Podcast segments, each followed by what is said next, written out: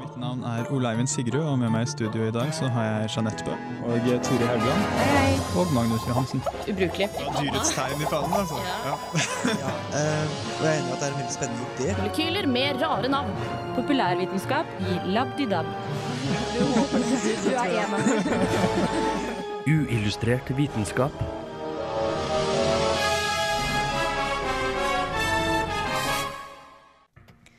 Myteomspunne vesener som varulver har opptatt oss mennesker i mange hundre år.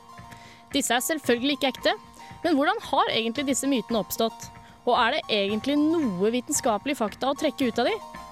I dagens sending av Uillustrert vitenskap vil du få svar på disse spørsmålene og andre spørsmål angående sagn og myter.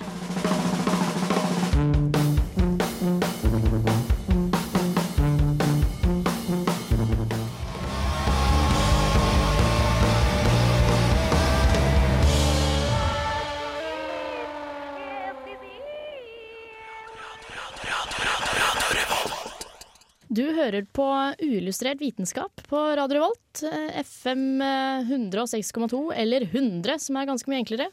Det du hørte akkurat der, var eh, Trondheimsbasert band eh, som heter Pelbo, eh, med Hey People. De har for øvrig releasekonsert 27. februar. Så Det skal vi du- Det, det skal du på. Ja, jeg heter Jeanette Bø, og med meg i studio så hørte du akkurat Ole Eivind Sigrud Hei, hei. Og Magnus Johansen Hallo! og Turi Haugland. Hallo. Eh, I dag blir det litt eh, varulvprat, rett og slett. Eh, det er en eh, film på kino nå som heter Wolfman. Har fått en syltynn firer. Eh, Av Filmofil. Av Filmofil på Radio Volt. Denne anmeldelsen kan dere lese på radiovolt.no.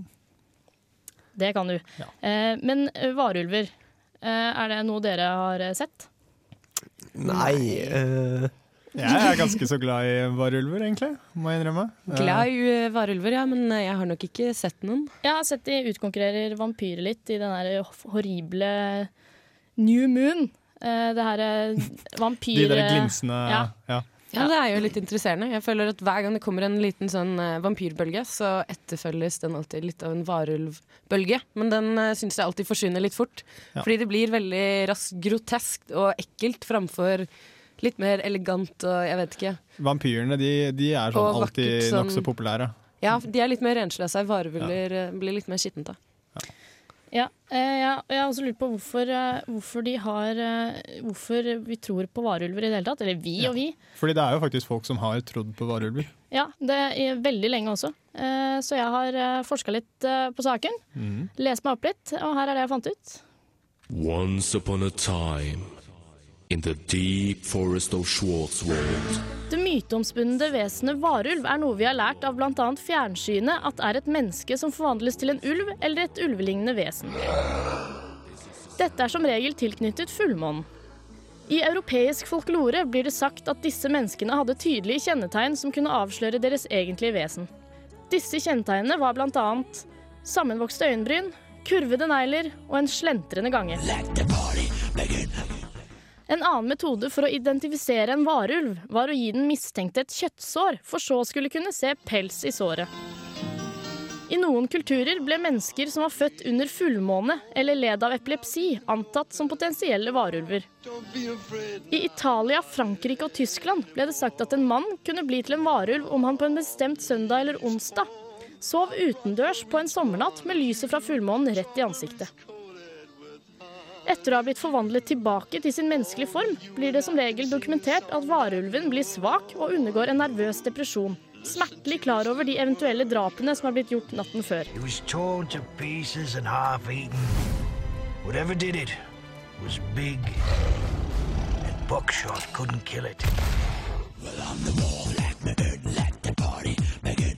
Under middelalderen var det i Europa tre vanlige metoder for å kurere en varulv.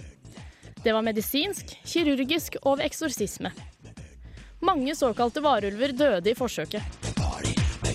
I Frankrike under det 16. århundre ble det rapportert flere varulvangrep. I flere av tilfellene var det klare beviser for drap og kannibalisme, men det var sjelden noen beviser for at det var noen ulv med i bildet. En kjent varulv var den estlandske varulven Hans. I en alder av 18 år, i 1651, ble han stilt for retten med en anklage om å være varulv. Han tilsto at han hadde jaktet som en varulv i to år. Han påsto å ha fått kroppen til en ulv av en mann i svart, noe som retten helt klart antok for å være Satan. Det er da sannsynlig at han ble dømt for heksekunster og dømt til døden. Dette var en vanlig metode i de baltiske landene for å snu en varulvrettssak om til en hekserettssak. I løpet av 18 rettssaker i Estland ble 18 kvinner og 13 menn tiltalt for å ha gjort skade på eiendom og husdyr. Dette i form av en varulv. Under tortur tilsto de å ha gjemt ulveskinnet under en stein. Og det eneste som manglet nå for å snu denne rettssaken om til en hekserettssak, var en pakt med djevelen. Under mer tortur tilsto de tiltalte dette også. Mange forfattere mener at varulv- og vampyrlegender oppsto for å forklare seriemord i mindre opplyste tider. Noen forskere har også prøvd å forklare oppførselen til de såkalte varulvene med nå kjente medisinske tilstander.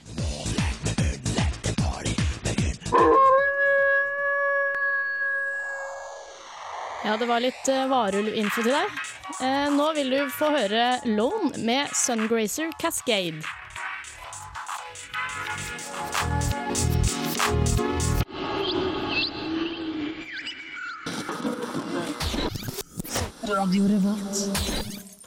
Ja, du hører fremdeles på Uillustrert vitenskap.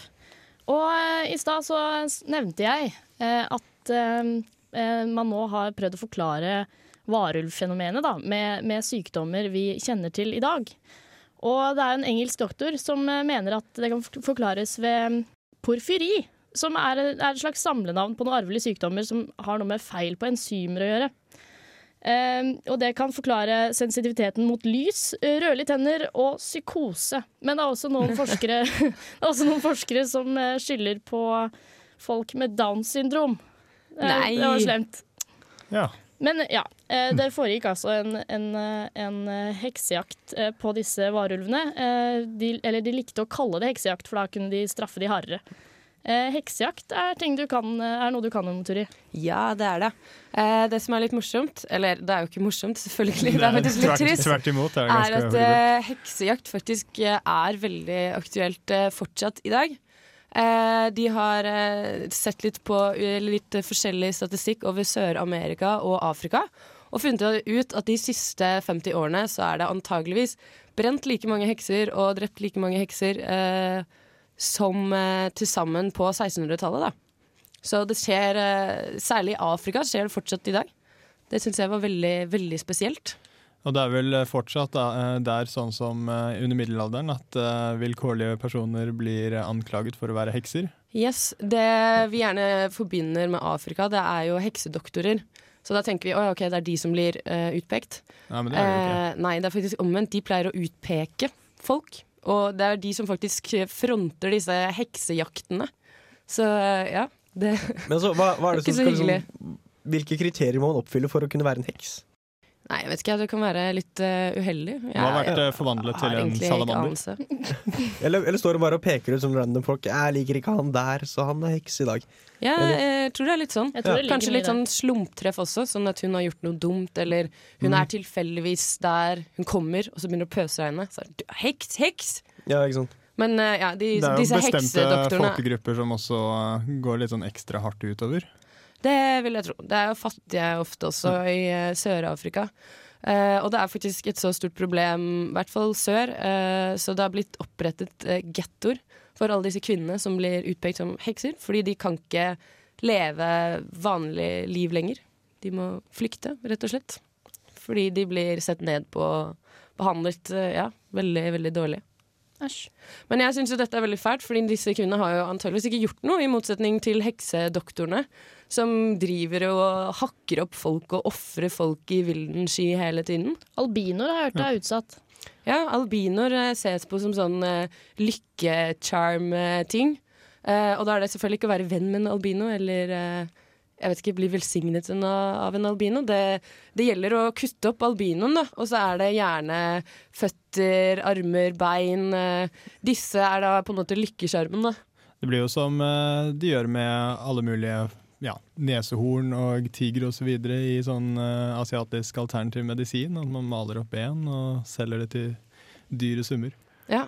Eh, veldig mange rike menn i Afrika tror fortsatt på eh, sånn heksejakt. De er ikke eh, Nei, heksedoktorer, og de er jo ikke helt informert. Så de driver jo også kjøper da hodeskaller og sånn, som heksedoktorene tar. Så jeg syns det er litt eh, feil eh, hekseforfølging. De Ja. skikkelig bomma på synderen her. Jeg Men syns vi får ta en telefon til Afrika og bare informere om at det er ikke lykkeamulett med, med albinoføtter. Nei, det er, Er ikke det. det, ja, Eller ikke også det. barnehodeskaller er veldig, Yes. veldig populært.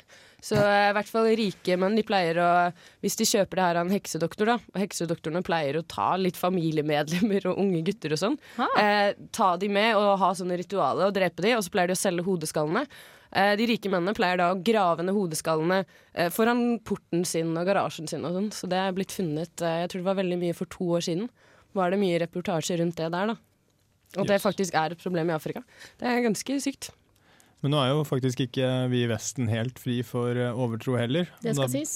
Blant annet eh, forbundet med fullmånen så er det jo fortsatt en haug med, med myter og eh, ja, overtro forbundet med det. Tror du på fullmånen, da? Om jeg tror på fullmånen? Ja, det, det fins jo fullmåner. tror du på effekten fullmånen kan gi? Nei, jeg må vel vel kans- kanskje si at jeg, jeg stiller meg skeptisk. Men jeg har jo undersøkt dette litt nærmere da, og lagd en liten reportasje om det. Ja, skal vi høre kan den? kan kanskje høre den? Det er greit.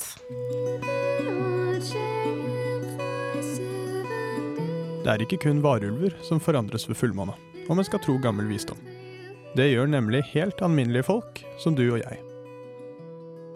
For det er generelt lite som ikke ved et eller annet tidspunkt har blitt knyttet til denne månefasen. Både selvmordsrater, fødselsstatistikk og søvnkvalitet påstås det blir påvirket av fullmånen. Tidligere trodde en også at fullmånen fremkalte en rekke sinnslidelser, noe som er bakgrunnen for det engelske uttrykket lunacy. Det er heller ikke kun hvem som helst som har observert disse sammenhengene. Gjentatte ganger har både politifolk og politikere nevnt fullmånen som årsak til økninger i kriminaliteten. Og det er heller ikke uvanlig at leger ved akuttmottak sier at de ser flere ulykker når det er fullmåne. Men kan dette stemme? Selvfølgelig har det blitt studert nærmere av forskere, som har undersøkt en lang liste påståtte sammenhenger. Som f.eks. trafikkulykker, vold i hjemmet, kidnappingsrater, utbetalinger ved kasinoer, alkoholisme, søvngange og hockeyspilleres aggresjon, kun for å nevne noen. Enkelte forsøk har kommet frem til en viss effekt, men signifikante funn har ikke blitt tilstrekkelig replikert.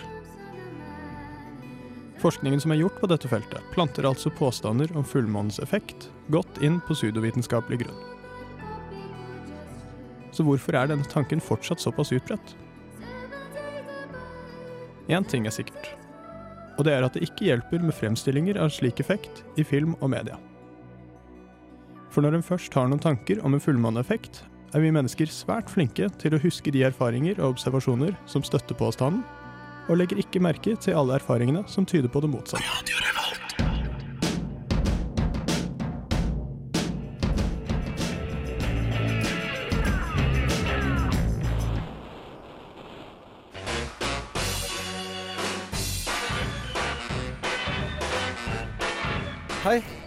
Jeg heter Petter Skjerven, og jeg lytter til Illustrert vitenskap på Radio Revolt så ofte jeg bare kan.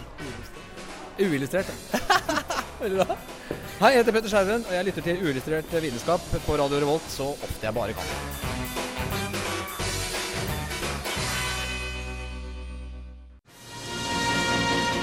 Uillustrert vitenskap presenterer Forskningsnytt.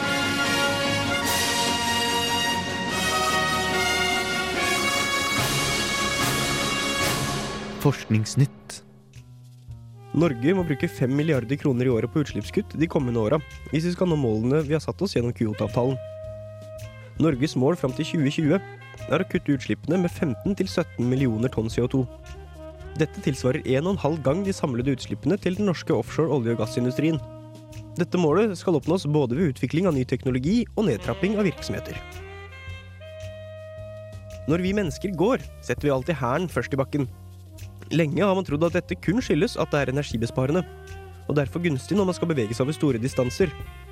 Men forskere ved universitetet i Utah har nå begynt å se på muligheten for at måten vi går på, stammer så langt tilbake som da menneskene fremdeles bodde i trær. Det at vi setter hæren først i bakken, kan nemlig også ha andre fordeler. Blant annet mener forskerne at det gir oss bedre balanse i nærkamp med andre dyr, noe som kan støtte opp om teorien at det også er andre grunner til at vi setter hæren først i bakken når vi går. Det er lenge blitt spekulert i hvordan den egyptiske kongen Tutankhamon døde. Mange har ment at han ble drept, mens andre har forklart at kongen, som bare ble 19 år gammel, har dødd av sykdom. Nå kan det vise seg at det er de siste som har rett, etter at et internasjonalt forskerteam mener å ha påvist at Tutankhamon døde av malaria. De samme undersøkelsene skal også vise at kongen hadde skrøpelige bein og mest sannsynlig klumpfot. Radio Revolt.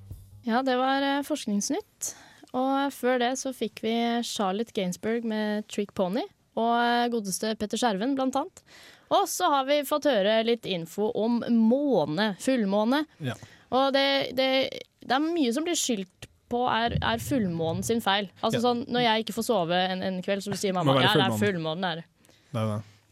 Nei, det er generelt lite som ikke blir eh, ja, anklagd for å være fullmånen som er eh, ja, årsaken bak. Og jeg, er spesielt overrasket over at det er så utbredt tanke blant leger om at eh, full, på fullmånekvelder da er det flere ulykker og flere voldelige ulykker osv. Det syns jeg er helt ja, ekstremt urovekkende, men fordi det er jo veldig vist at det er det jo ikke. Altså, Er det Men- snakk om at flere voldshandlinger, eller er det ulykker som i bilulykker og Ja, sånn be, begge deler, da. Begge deler. Uh, men, men det er sikkert fordi de er ja. bevisst på det, da, i Ja. så tilfelle. Mm. Antakeligvis. Det er nettopp det. Fordi det, det stemmer jo ikke, det vet vi jo fordi det har vært undersøkt. Og nei, fullmånekvelder er akkurat som alle andre kvelder. Uh, voldsstatistikk og ulykkesstatistikk er mer avhengig av hvilken dag det er.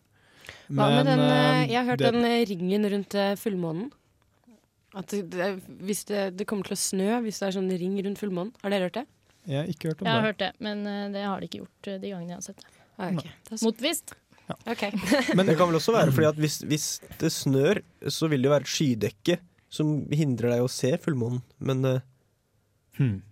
Hmm. Ja. Men i hvert fall en av grunnene til at det dukker opp så mye overtro rundt fullmånen, er jo uh, det man på pent kaller bekreftelsesbias. Altså at man, hvis man har en tanke i hodet da, som man kanskje tror litt på, så vil man legge merke til alle de gangene det, det virker som det stemmer. da. Hver gang det skjer en ulykke og det er fullmåne, um, så, så husker man det hver gang man ble litt sånn schizofren, og så var det fullmåne. Um, men så glemmer man alle de gangene det var fullmåne og det ikke skjedde noe spesielt. Det er som med fredag den 13. Da jeg ja. mistet mobilen min, for eksempel. Da legger du merke, det var Da fredag legger du merke til at det var fredag den Da 13.. sier du etterpå til alle sammen. Det var fredag den 13. Ja. Ja. Men eh, ja, forskningsnytte. Ja. Eh, det ble sagt at Norge må bruke 5 milliarder kroner i året på utslippskutt eh, hvis vi skal følge den eh, godeste Kyoto-avtalen. Men eh, eh, Magnus, hva innebærer det å kutte så mye CO2? eh, tja, si det. Eh, det er snakk om eh, 15-17 millioner tonn CO2. Og som det ble sagt i forskningsnyhetene, så er jo det en og en halv gang det norsk offshore olje- og gassindustri slipper ut i året. Så det er jo som vi skulle holdt på å si fjerne, fjerne alle utslippene vi hadde med olje, og fremdeles måtte kutte litt til. Så det er jo et stort tak som må tas. Dette er per år, da. Ja, nei, det her er til sammen fram til, Til 2020. ja. Eh, så vi trenger ikke å vi trenger vel å, vi, Men vi må fremdeles kutte to millioner tonn CO2 hvert år. Og det er enorme mengder, ved tanke på at en, en gjennomsnittsnordmann eh, slipper ut ca. fire tonn CO2 i året. Mm. Så vil det si at eh, man skal kutte utslippene tilsvarende 500 000 nordmenn sitt utslipp hvert år. Da. Det, det høres litt lite realistisk ut. I hvert fall eh, Ja, det- når jeg føler også at regjeringen kanskje ikke er helt uh, pro eh, miljø. Og har liksom ikke Selv om de sier at de bryr seg, så gjør de vel egentlig ikke det. Nei, Den eh, rapporten viste jo i hvert fall at det er fullt mulig. Det blir bare litt dyrere enn det vi forventet. da.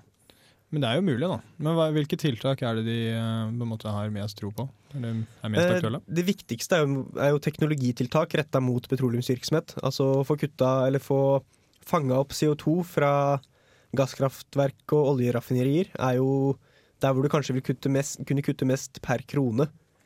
Og det som da vil være mest samfunnsøkonomisk nyttig. Eh, I tillegg så snakker man jo om å redusere virksomheter som slipper ut veldig mye eh, CO2. Sånn at man ved å kutte virksomheten da også kutter eh, utslipp, da. Men eh, hvor realistisk er den eh, CO2-fangingen? Eh, Det hadde vi tenker månelandingen og gjøre, gjøre, gjøre. Nei, vi hadde faktisk en fra Sintef eh, her i forrige semester, eh, som dere kan høre på podkasten.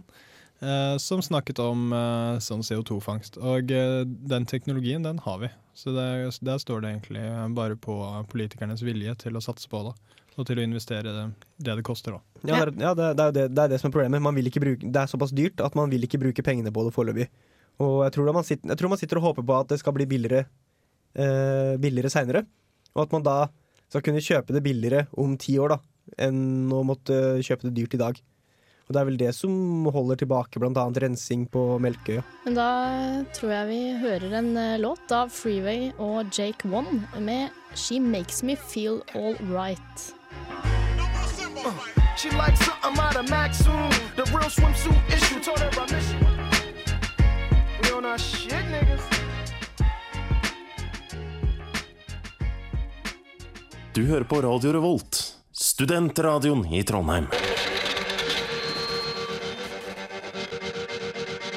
I filmen The Crow blir Brandon Lees karakter brakt tilbake fra døden, og deretter fulgt rundt av en kråke som gir ham overnaturlige krefter.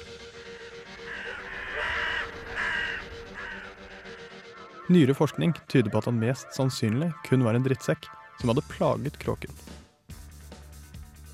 Kråker kan nemlig gjenkjenne menneskers ansikt og være langsinte i flere år om en skulle finne på å irritere dem. Dette oppdaget forskere ved University of Washington i en studie gjort på ville amerikanske kråker. En har lenge vært klar over at kråker kan kjenne igjen mennesker, men det har vært uklart hvorvidt det er ansiktet, gangen eller kroppsbevegelser de husker. For å teste dette brukte forskerne en spesiell maske da de fanget og merket kråkene. Kråkene likte selvsagt ikke å bli fanget på den måten, og satt følgelig i gang et ordentlig leven hver gang de så en person som bar masken. Kråkene kunne også finne på å trakassere disse personene ved å tidvis forfølge dem. Det var tydelig at det var ansiktet kråkene husket, da de ikke brydde seg om personer uten masken, men reagerte på masken uansett hvem som bar dem. De følte seg heller ikke truet av andre masker, som f.eks. en av Dick Cheney. Forskerne kom deretter tilbake tre år senere for å undersøke om kråkene fortsatt husket dem.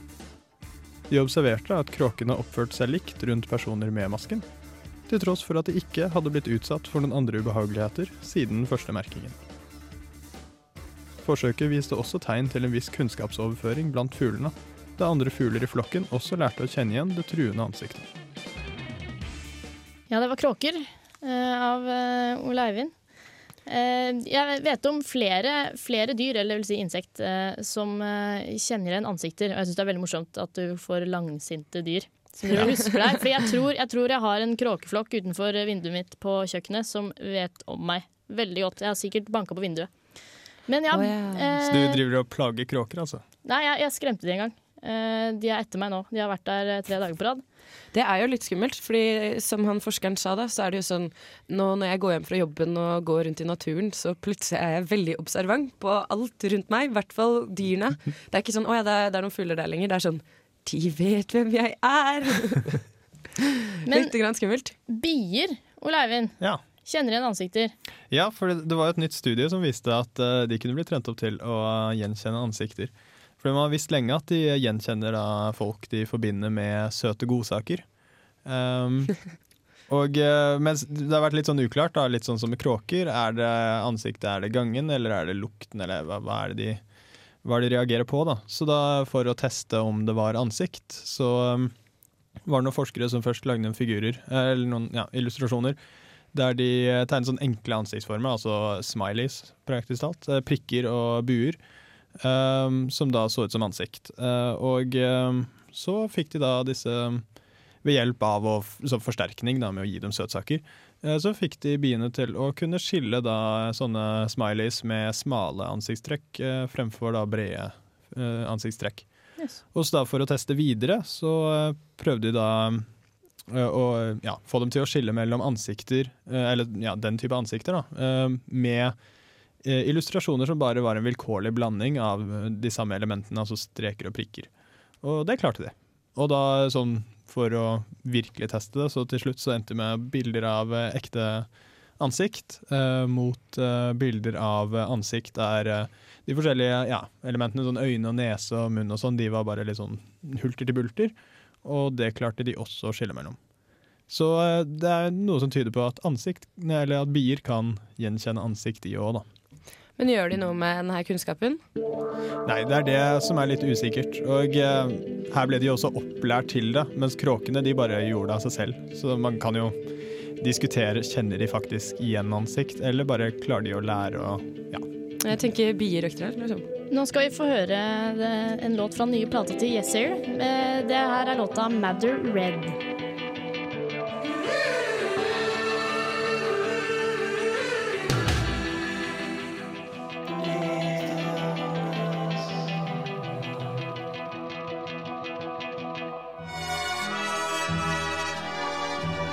Nuclear reactors could provide power almost indefinitely. Greenhouses could maintain plant life. Animals could be bred and slaughtered. Ulystrert vitenskap.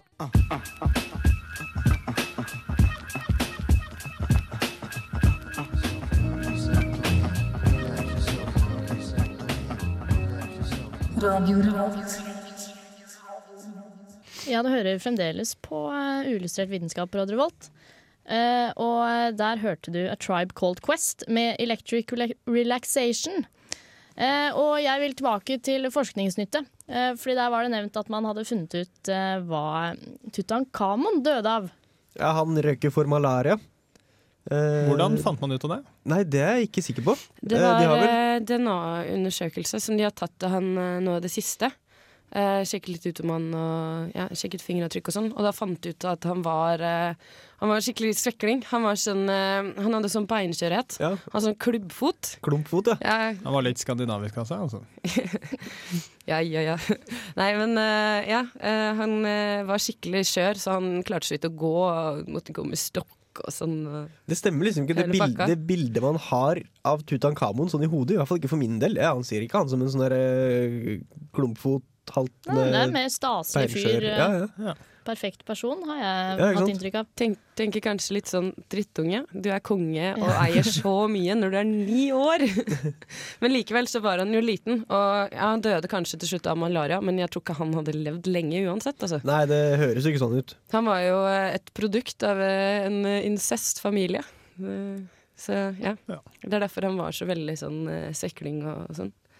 Ja, for du jo eh, Du kan jo ekstra mye om det her, eh, Turi. Det har jo vært eh, mye myter om den gutten her også. Ja, det har det. Det er egentlig generelt myter om gravkammer og sånn. Fordi det har alltid vært sånn oh, far hans forbannelse. Og alle mener at det er alle de arkeologene som har gått inn i gravkamrene og sånn, at de har blitt sånn dårlige og syke, og det har skjedd mye ulykker og sånn. Eh, og det her gjelder s- særlig Tutankhamon sin, eh, sitt gravfunn. Eh, der det var eh, De mente at eh, på åpning senere var det masse folk som døde, og det var bare masse ulykker som skjedde rundt åpningen av gravkammeret og rundt funnet av det. Eh, så jeg har eh, forsket litt mer på eh, myten, eh, gjort det litt mer vitenskapelig. Eh, så det kan vi egentlig høre nå. Populærvitenskap i Labdidab.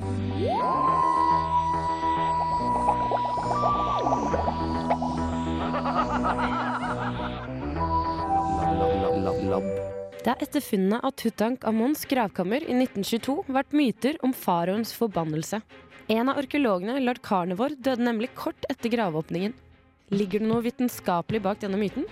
Gravkammeret, åpnet etter opptil 3000 års forsegling, inneholder mange ulike former for muggtyper, sopp, bakterier, dyreekskrementer og gasser. Dette skyldes selvfølgelig en innestengt forråtnelse som har pågått i mer enn 3000 år. Nyere forskning viser at bl.a. noe av muggsoppen og gassene kan være farlige for mennesker hvis en blir utsatt for for store mengder. Ammoniakk, formaldehyd og hydrogensulfid kan i konsentrerte mengder gi dødelige effekter. Disse gassene er blitt funnet i kongenes sarkofager, men alt med måte. Så langt kjenner vi ingen tilfeller av dødsfall ved arkeologiske funn av gravkammeret. Faraoens forbannelse forblir altså vitenskapelig sett en myte. Du hører på Radio Revolt, studentradioen i Trondheim.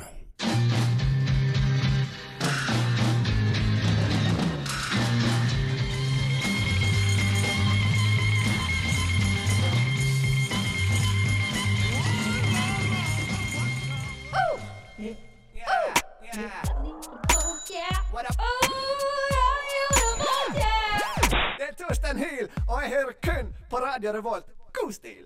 Ja, eh, det var eh, gode gamle Jimmy Hendrix med All Along The Watchtower. Eh, og flott info om Tutankhamon der. Jeg syns den var litt ekkel også. Gasser. Ja, det, det høres veldig skummelt ut. Eh, det er jo bare fordi de har eh, sjekket litt hvilke stoffer som faktisk er inne i rommet der. Og da finner du jo veldig mye rart, ettersom dette rommet har vært stengt i ca. 3000 år. da. Men Eh, er konsentrasjonene er rart. vel ikke så høye? Nei, det er det det er, eh, ikke er. Så eh, det er på en måte ikke bevist at noen egentlig i det hele tatt har blitt irritert eller av noen av disse gassene eller av soppen i det hele tatt. Eh, Så fortsatt i dag, når de gjør arkeologiske funn også av gravkammeret, så bruker de jo faktisk ikke munnbind en gang. Men så er det selvfølgelig noen forskere som skal forske på det, og da finner du masse farlige gasser, og da blir det sånn oh, ja, men da, da må det jo være et eller annet som irriterer deg. Det er vel også litt sånn typisk at man har den tanken da om at «Å, ja, men, uh, disse faraoene de la forbannelser over gravkamrene sine. Ja, det blir jo sånn myteomspunnet, ikke sant? Så, så noen kanskje forventer litt at eh, det kommer til å skje noe, og så går de jo tilbake og da ser ja, hva var det som skjedde med disse som gikk inn der, og så bare oi, jo, alle døde jo.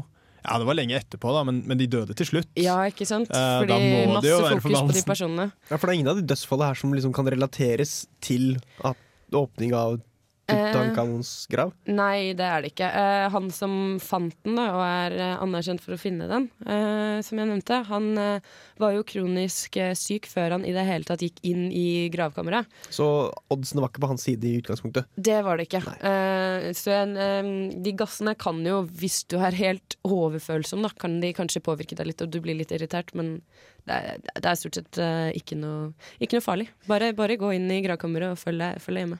Eh, vi begynner å gå eh, litt eh, tom for tid, eh, men jeg vil veldig oppfordre til å høre på vår neste sending, fordi den blir veldig morsom, Ole Ja, der følger vi litt opp denne sci-fi horror ja, temaet med romvesener, dog litt mer vitenskapelig. Vi skal snakke med Kjetil Østegård, en biolog ved NTNU, om eksobiologi, altså biologien til ja, fremmede, fremmed liv. Så det, det tror jeg blir kjempespennende. Det er sendinga jeg har gleda meg til veldig lenge. Eh, jeg vil også oppfordre til å laste ned denne podkasten, som jeg bitcher om hver uke. Eh, men det er, eh, det er en veldig bra Ja. podkast, rett og slett. Den ligger på iTunes. Og ta og rate. Trykk på siste stjerne, ja. Stjerna. Det, er- Ja. det er veldig ålreit gjort. Skriv gjerne en anmeldelse. Ja, gjør gjerne det. Eh, men nå vil du få høre Gils eh, med Gone Man, og da takker jeg for oss. Takk, takk. Ha det bra. Ha det godt.